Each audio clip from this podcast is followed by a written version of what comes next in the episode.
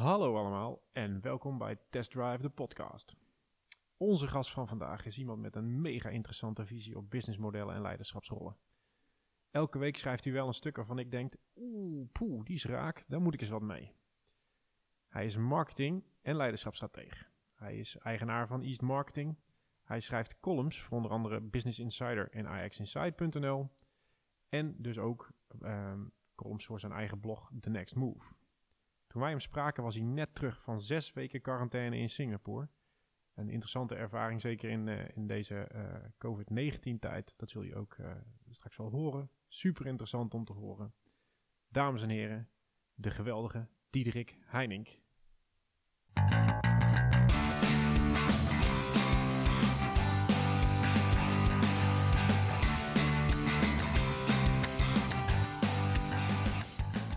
Diederik, welkom. Dankjewel. Uh, super tof dat je de tijd neemt om, uh, om in onze podcast te verschijnen. Uh, ja, om maar meteen uh, met de deur in huis te vallen.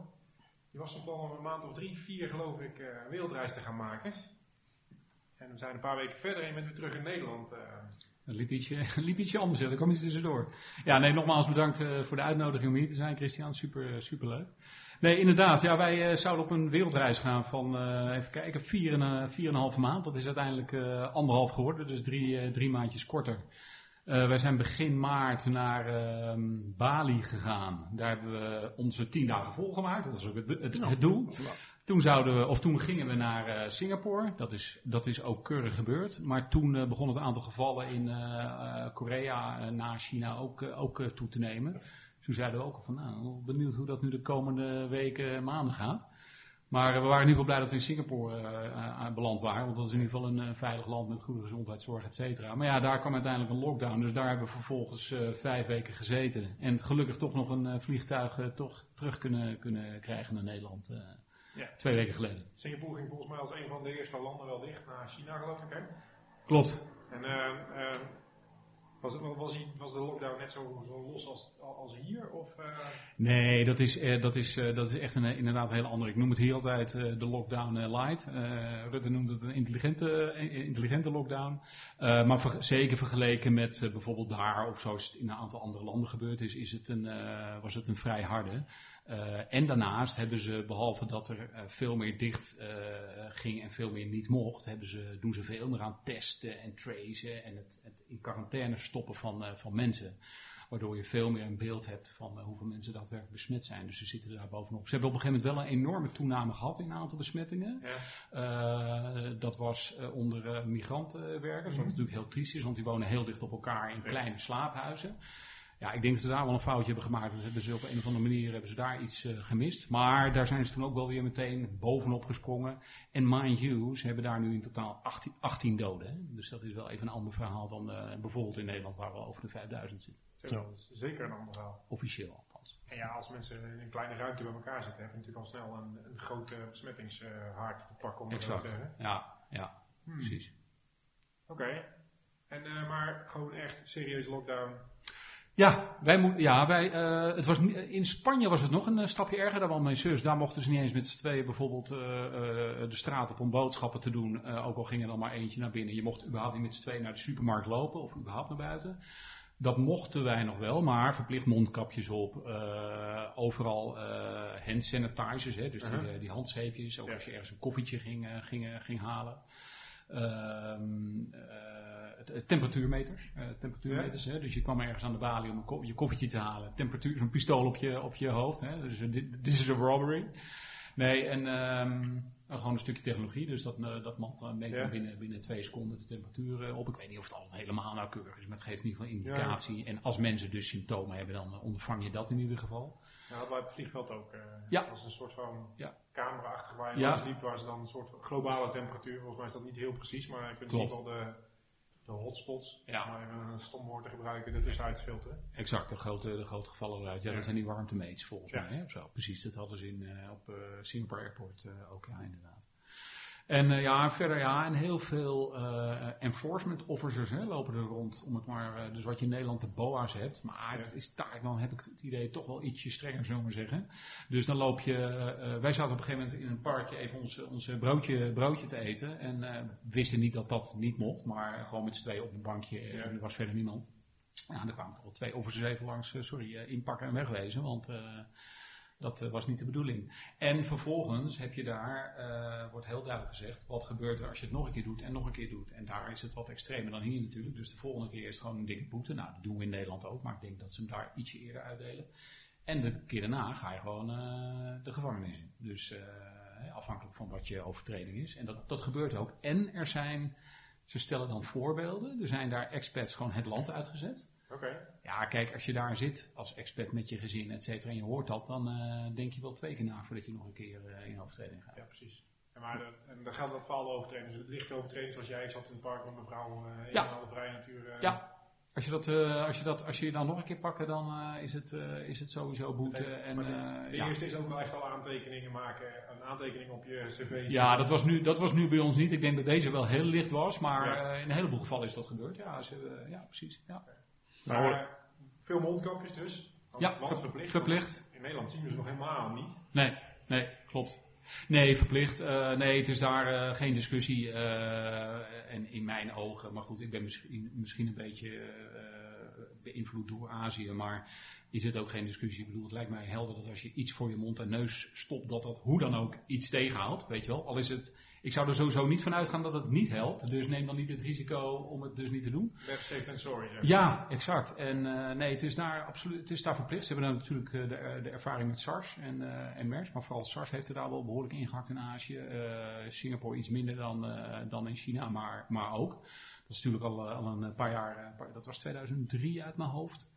Um, en daar hebben ze wel een behoorlijke erfenis aan... Um, aan overgehouden. Dus uh, kijk, die landen waren ook wel beter uh, voorbereid. Dat scheelt natuurlijk ook. Uh, ik denk dat er in de bevolking iets meer discipline is. En zeker wordt dat meer afgedwongen met handhaving, waar ik het net over had. Ja. maar er was dus ook veel meer voor voorbereiding. Ja, dus dat scheelt wel. Maar mondkapjes is daar geen discussie, nee. Nee, gewoon verplicht, punt. En je ziet het nu natuurlijk in Europa. Eigenlijk is Nederland uh, isoleert zichzelf daarin een beetje nu. Want het is een van de weinige landen waar het uh, nog niet uh, verplicht is in bijvoorbeeld OV of waar dan ook. Nee, precies. Hier is nog steeds een soort van open discussie, hè? Ja. Want we weten niet zeker dat het gaat ja. werken, dus we doen het niet. Weet je, ja. een keer de wereld van better safe than sorry. Eigenlijk. Dat vind ik, zo, dat vind ik opvallend echt in de discussie in, in, in Nederland. En dan, ja, ik vind dat is wel in mijn ogen, maar misschien is dat een beetje door, uh, ben ik, schiet ik daar een beetje in door, vind ik dat een leiderschapsdiscussie ook eigenlijk. Ja. Want uh, ik, ik vind, je kunt hier niet mee experimenteren. Dus ik zou, als er zo weinig bekend is van zo'n virus, zou ik inderdaad niet het, zekere, of het onzekere voor het zekere nemen. Dat is het eigenlijk. Hè? Het is niet ja, zeker, maar ik zou dus het zekere voor het onzekere nemen. Dus ja, we weten het niet zeker. Ook al zijn er tegenrapporten die uitwijzen dat het wel helpt. Maar inderdaad, hè, experts zijn, zijn uh, gemixt. Um, maar het, het, het, het, uh, het uh, heeft wel duidelijk door naar de kant dat het wel, uh, wel helpt. Dan zou ik toch zeggen van, ik zou dat verplicht stellen. In ieder geval in bijvoorbeeld OV, voor kappers en noem maar op. Ah, en, dat, en, dat, zit er voor jou, jij zegt leiderschap. Dus ja. jij verwacht eigenlijk meer vanuit politiek leiderschap dan in dit geval? Of zou, je ook, ja. zou het vanuit de burger moeten komen? Dat kan natuurlijk ook een vorm van leiderschap zijn. Nou, kijk beide, maar weet je, je kunt, uh, je kunt gewoon niet van iedereen verwachten dat ze, dat ze en dat bedoel ik niet lullig, maar eh, niet iedereen zit nou even, even verantwoord in de wedstrijd, volgt altijd keurig de regeltjes. Dat is gewoon bekend, dat is met alles zo. Wat ik niet snap, we, zetten wel 130 uh, eh, per uur keihard langs de snelweg en de handhaven heel hard op. Er wordt heel veel geld mee verdiend en dat is, dat is prima, voor, voor good reasons, want er vallen ook veel verkeersdoden. Maar hier laten we het een beetje, een beetje open. Nou, waarschijnlijk komt dat omdat we toch voor, ook al wordt dat niet uitgesproken, voor een strategie van groepsimmuniteit hebben gekozen. Wat, wat ook wederom volgens een heleboel experts geen goed idee is, maar oké, okay, daar kun je over discussiëren. Is het wel uitgesproken volgens mij? Ja, persconferenties. Ja, het was eerst een strategie, toen was het een doel. En in het laatste interview zei Van Dissel met de NOS, nou, het is een gevolg van onze aanpak. Ja. Okay. dus, uh, maar het is, het is natuurlijk gewoon groepsimmuniteit. Maar wat was de kip op het ei? Ja, exact, exact. Ja. En er is een hoop kritiek op gekomen, ook van de WHO. En daarom uh, draaien ze daar nu een beetje omheen, denk ik. Maar nogmaals, ja, ik zou daar, uh, ik, ik, ik, ik vind dat inderdaad leiderschap, dat je dat nou veel duidelijker ja, zoals de Amerikanen het altijd zeggen, bold decisions in moet nemen. En daar vervolgens ook, ook echt grote actie aan, aan koppelt. Dus beslissen is één, maar vervolgens ook, ook, ook uitvoert. En bijvoorbeeld met de mondkapjes, ja. Het is niet zo dat ze niet verkrijgbaar zijn. Natuurlijk moeten ze voldoen aan regels en goedgekeurd zijn, dat snap ik. Maar het kan toch niet zo zijn dat andere landen dat wel kunnen en wij niet. Maar het is toch wel iets typisch Nederlands ook. Dat polder, om maar even, hè, over elke beslissing moet uh, tien man, uh, tien ja. man heen en iedereen moet aan boord zijn. Ja, ja. Ja, ik zeg, ik, ik zeg wel eens, maar goed, uh, maak ik me ongetwijfeld uh, niet zo populair mee in de politiek, denk Maar politiek is een van de laatste bastions waar nog geen innovatie heeft plaatsgevonden. Maar ik denk wel dat dat toch wel een beetje aan de hand is. Waar bedrijven en natuurlijk grote corporates doe je er ook mee. Maar innoveren. En dus dat innoveren betekent ook dingen uitproberen en ook ontdekken dat soms iets nog niet helemaal perfect is, maar het wel doen en dan gaandeweg verder verbeteren. De overheid lijkt uh, niet in zo'n strategie uh, te geloven. Nee, met dit soort zaken blijkt dat allemaal niet. Ja, je ziet natuurlijk heel, heel veel bedrijven, uh, Tesla bijvoorbeeld. Elon Musk komt altijd, onze auto is forever lasting status of beta. Exact, exact, ja, dus, exact. precies dat. Ja. Continu in ontwikkeling zeg maar. Ja, ja, precies. Ja, je, kunt, uh, je kunt een jaar onderzoeken voordat het perfect is en dan ergens mee beginnen. Maar dat lijkt in het geval van zo'n virus wat je overvalt uh, geen handige strategie. Nee, dat klopt. Maar ja, de, de, de politieke consequenties zijn natuurlijk ook wel anders. Maar, maar je ziet natuurlijk mensen, de, de, Nederlandse burger rekent nogal gauw een politicus af op een misstap. Of het dan een misstap is of een kleine... Ja. Dus, ik snap, nou, nee, ik snap het niet, maar ik kan me wel begrijpen. Maar, kan begrip hebben, kan begrip hebben voor het feit dat ze soms huiverig zijn om een kant te kiezen. Ja. Terwijl, ja, we moeten ergens een kant kiezen. Het is of een of het ander. Ja, in situaties. precies. Vooral, vooral, omdat het om, om uh, mensenlevens gaat en om je economie. Hè. Dus dat, uh, ja. Maar goed.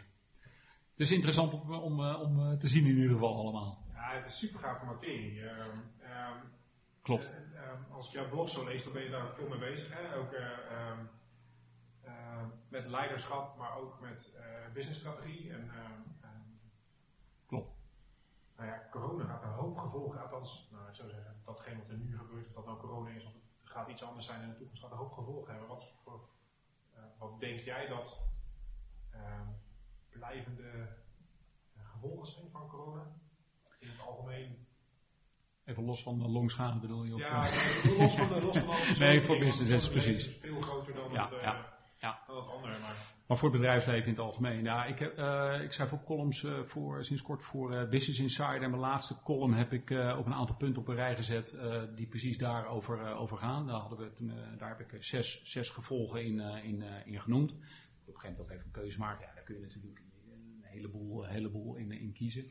Dat is puur zo, zoals ik het zie. De tijd zal uitwijzen wat, wat wel of niet uitkomt.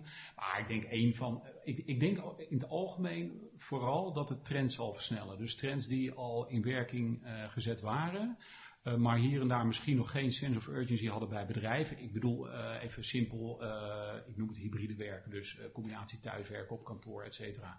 Ik hoorde bijvoorbeeld mensen bij de gemeente Amsterdam die zeiden, joh, tot nu toe dat thuiswerken bij ons, ja, dat, dat kon niet eens technisch, dat werkte niet, of dat deed niemand. Tenminste, dit was in een bepaalde afdeling. Nu is het noodgedwongen. Hè? De, de, de dwang wordt van buitenaf opgelegd. En ineens is het wel mogelijk en werkt het. Dat is een heel simpel voorbeeld. Um, maar überhaupt digitalisering, de ontwikkeling van online uh, platforms. Uh, ik geloof sowieso eigenlijk een hele platformeconomie. Uh, maar die platformisering van de economie, dat, zal, dat zal alleen maar verder versnellen. Je ziet het al aan het groeiend aantal, heel snel groeiend aantal abonnees van Netflix. Nou, dat is misschien voor de hand liggende. Maar het zal Amazon en dergelijke ook alleen maar enorm in de, in de, in de, in de kaart spelen. Uh, dus, dus dat zijn er een paar. Ja, het hele verhaal over natuurlijk hygiëne en dergelijke. Ja, ik noemde het de sanity seats in de airline industry. Um, nou goed, dat heeft dan direct ook met die anderhalve meter te maken. Maar ja, ik denk dat daar een hele nieuwe industrie omheen gaat ontstaan. Van consumenten die, die daarin voorop lopen. Hè? Dus in zich op een dus op, op, op, het gebied van hygiënische consumptie, zeg maar, en uh, gezondheid. En ik denk dat daar ook een enorme industrie omheen gaat, gaat ontstaan met uh, gezondheidscoaching, et cetera, wat allemaal al aan de gang was. Maar dat, dat gaat nu heel, heel, heel sneller. En mensen die uh, ongezonder leven, aantoonbaar dan, dat daar ook toch wel iets meer druk op komt om, om, daar, om daar wat aan te doen. Ik denk dat dat ook wel bijvoorbeeld iets is. Dus dan gaan we echt naar die, nou, ik wou bijna zeggen, Chinese toestanden toen met de verzekeringspolis, dat als je overgewicht hebt, dat je meer moet betalen. Is dat wat je bedoelt? Wat je daarmee bedoelt? Het zou, het, zou, kunnen. Kijk, wij zullen, wij zullen geen, geen, geen China worden. Hoewel ik denk dat we wel een stukje privacy en vrijheid op zullen moeten geven voor het, voor het hogere doel.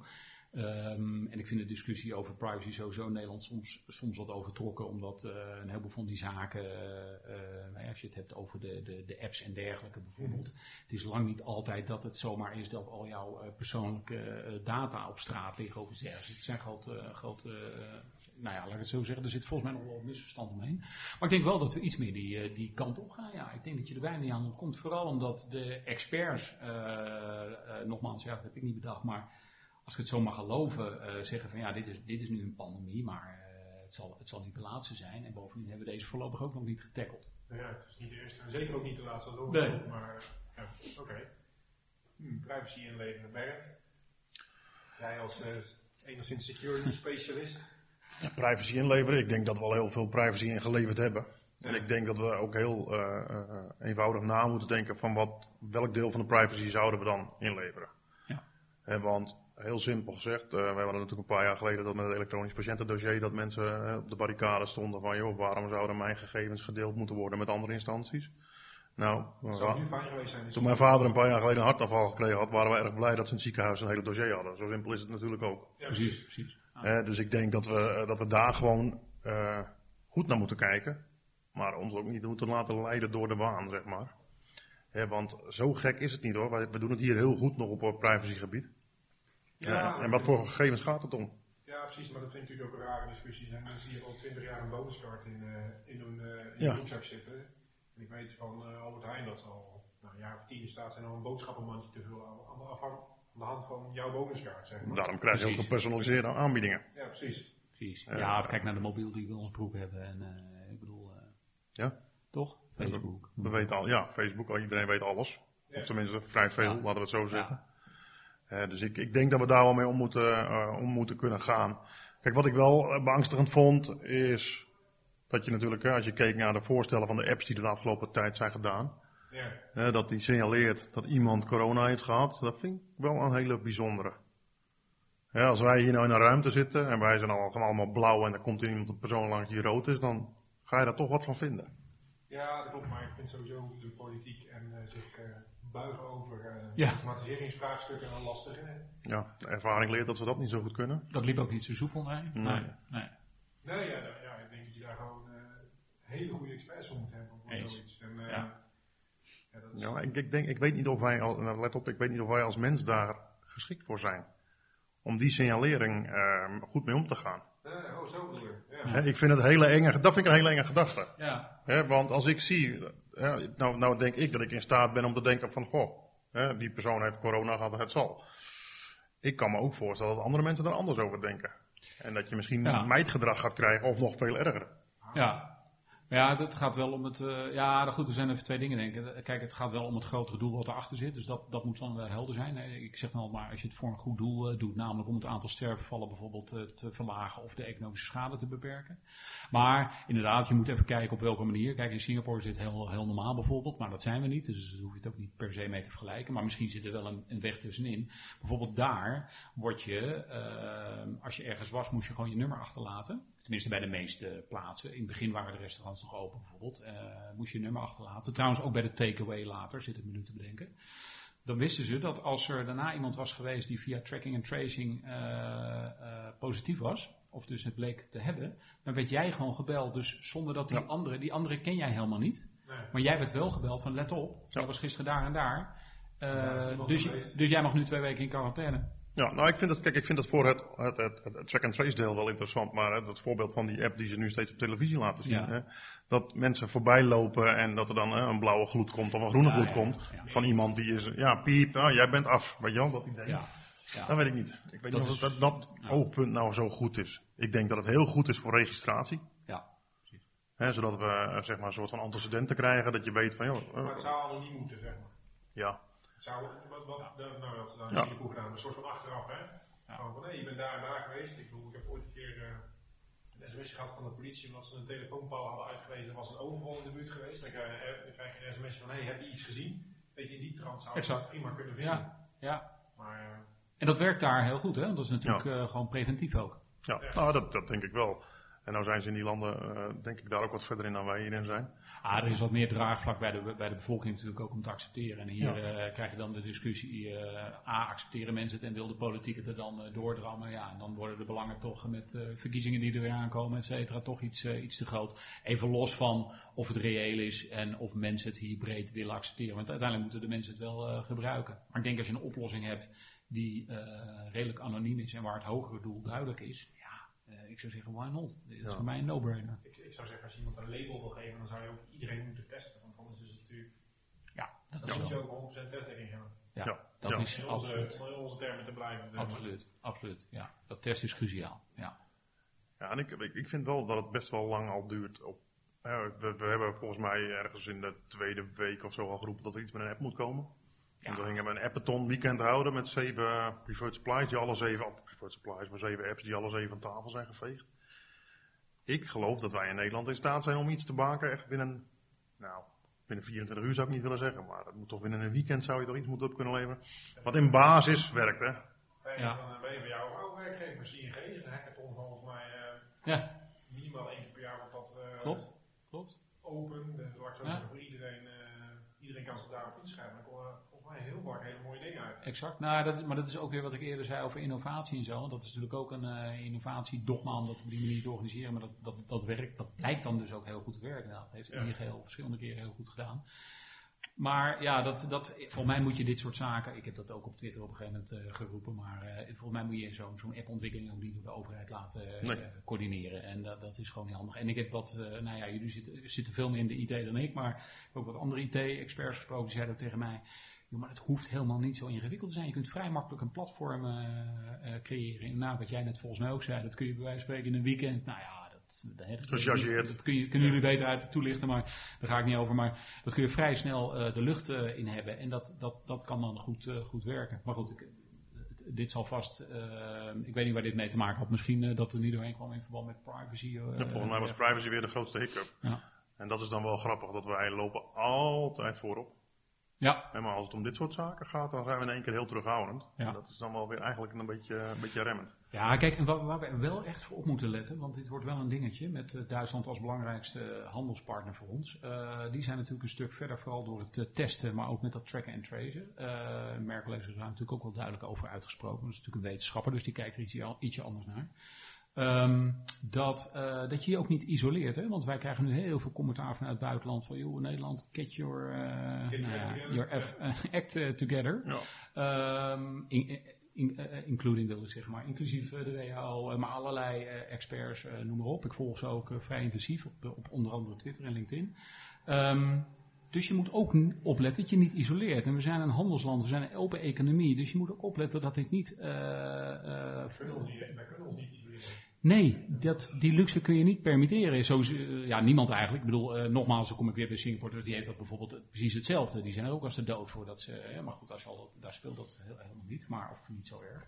Maar een, een, in, in Nederland, ja.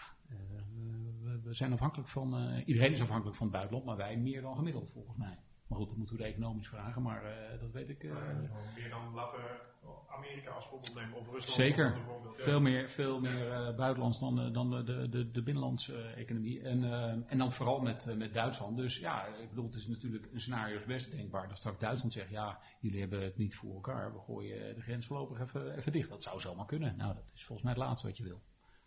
Dat moeten we, dat, dat moeten we zeker niet wel.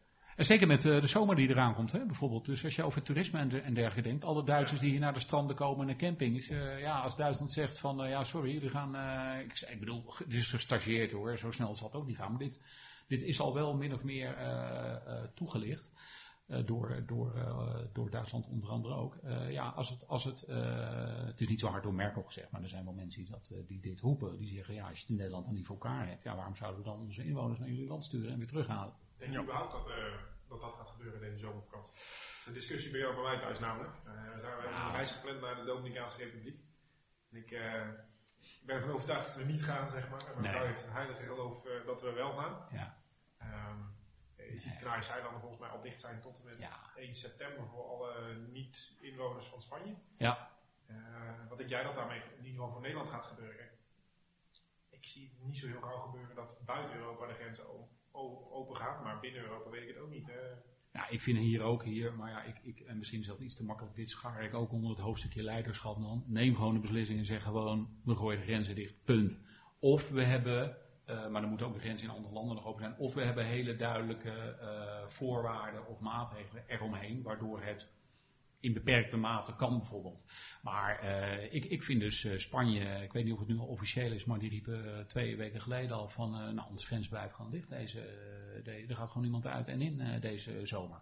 Ik weet niet of het helemaal officieel al is, maar dat riep, de, dat riep dus twee weken geleden. Ja, ik vind dat wel, ik vind dat wel sterk. Dat is wel krachtig. En nu blijf je maar discussie houden. Net als met bijvoorbeeld een evenement als Sale. Blijf heel lang discussiëren. Ja, wel of niet? Ja, tuurlijk niet. Dat is nu nee. toch helemaal niet. Ja, dat kun je niet hard maken. Nee, dat kun je nu toch niet. Uh, nee.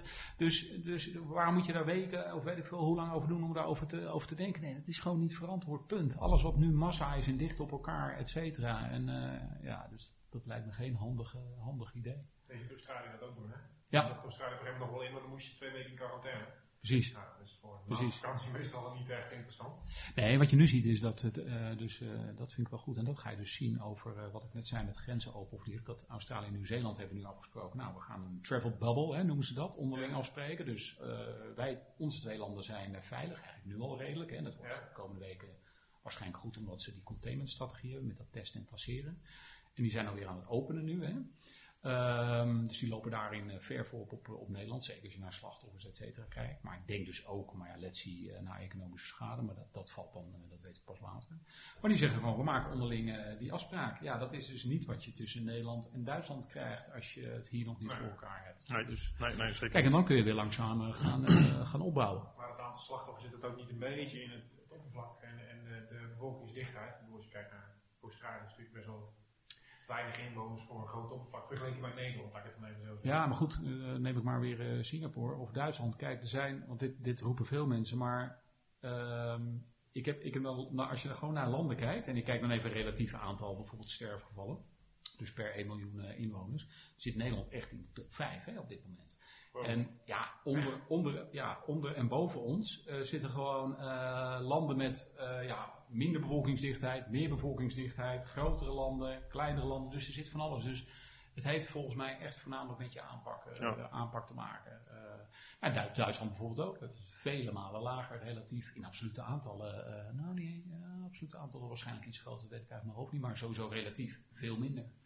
Ook wederom, ja, testen veel meer. Ja, maar die testen veel meer. Gelijk al vanaf het begin. Hè, dat Ja. waren de eerste staatjes die bekend werden zeg maar, over hè, de omringende landen. Zag je dat de strategie daar gewoon eh, 15.000 tegen bij eh, een paar honderd of nou, duizend op een dag. En nu 15.000 op een dag of zo. Ja. Hè, die ziet al dat, en dan denk ik ook, eh, wat jij zegt over Singapore. Die strategie is gewoon heel anders geweest. Exact. Hun aanpak was veel meer gericht op gelijk Indammen. doorpakken. Ja, indammen en doorpakken maar. Ja. En uiteindelijk, eh, ik ben ook geen econoom, maar ik verwacht dat de economische schade voor ons, omdat wij zo lang doorkabbelen, heel anders zal uitpakken dan voor die landen misschien. Denk ik, denk ik ook, ja, ja de, de, precies. Ja, en nogmaals, we zullen het allemaal pas over een jaar weten, maar gevoelsmatig, en als je ook naar experts kijkt uit alle hoeken, inderdaad, en, en eh, die zeggen ook allemaal een lockdown, een echt een hardere lockdown van een week van eh, 6 tot 8 aan het begin. En daarna kun je dan eh, weer open met testen, tracen en isoleren. Dat, dat lijkt de meest, de meest ect- effectieve met de minste, minste schade. Maar goed, nogmaals, we, zullen het, eh, we gaan het over een jaar zien. Als je nou uh, Mark Rutte één dag door Diederik Heining, wat, wat is de eerste regel, die, eh, de eerste maatregel die je neemt? Nou, dat testen, tracen en isoleren eh, zwaar opvoeren. Nou, of opvoeren, dat isoleren, nou, dat isoleren doen we een beetje. Maar ja, dus dat, ja. Oké. Testen, tracen, isoleren. En goed luisteren naar eh, verschillende, verschillende experts. Eh, dat, dat zijn ze nu aan het opbouwen. eh las ik gisteren aan het FD. Dat team gaat er nu komen. Dus na, naast het OMT, of hoe ze dat dan ook gaan organiseren. Er zitten dan, neem ik aan, economen en sociologen, et cetera, in. Eh, dat, dat moet je gaan doen. En dan, dan kun je ook wat makkelijker openen. Want ik hoor terecht veel eh, ondernemers eh, klagen. Terecht, zeker eh, restauranteigenaren, eh, kappers, eh, noem maar op. Ook in mijn eigen omgeving. Ik ken er een aantal.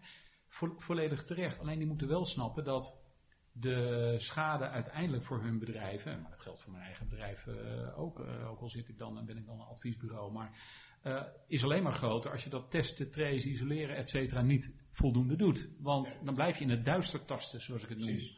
Ehm, dus ja, ook zij zouden, die moeten niet alleen maar roepen van, oh, moet zo snel mogelijk open. Ja, je moet zo snel mogelijk verantwoord open. Namelijk als je test, trace, ja. isoleert. En, ja. en wellicht ook mondkapjes en aanvullende maatregelen. Maar testen, trace, isoleren noem ik dan maar even als kernstrategie. Kijk, mooi. Het onderwerp waar we volgens mij uren over ja, precies. Don't get me started. Ik vind het net interessant. Um, uh, een laatste vraag, en dit is een vrij open vraag. Um, um, je hebt een vrij groot netwerk in, uh, in, in allerlei verschillende branches. Wie zou jij als volgende gast in onze podcast willen zien? En welke vraag zou je hem willen stellen? Oh jee, dat is een interessante. Die, uh, daar had ik nog niet over nagedacht. Uh, nou, dan denk ik dat we Roberto Elan moeten vragen. Oké, okay, cool. Roberto, die, uh, daar hebben wij uh, beide een, een opleiding gevolgd. Ik ben er nog gedeeltelijk mee bezig. Tot in, in, de, in de high, high performance coaching, zeg ik het maar even in het, in het kort, waarbij ik me dan vooral op inderdaad businesses en dus ondernemers en, en business leaders richt. Yes. En jij dat natuurlijk ook hartstikke goed gedaan hebt. Dus ehm, ja, die, van die man kunnen we hoop leren en die heeft ook een duidelijke mening over dingen. Dus dat lijkt me een hele leuke gast. Oké, okay, en welke vraag zou je willen stellen? Oh ja, welke vraag, sorry. Um, ik denk dat we hem dan zouden moeten vragen. Uh, uh, laten we toch nog even. Uh, het overheerst toch alles op dit moment uh, bij, bij corona blijven. En wat, wat zijn gouden tips voor, voor mensen die nu een beetje met de handen in het haar zitten. of die het, die het, die het moeilijk hebben? Wat zou zijn centrale coachingstip zijn? Oké, okay. nice.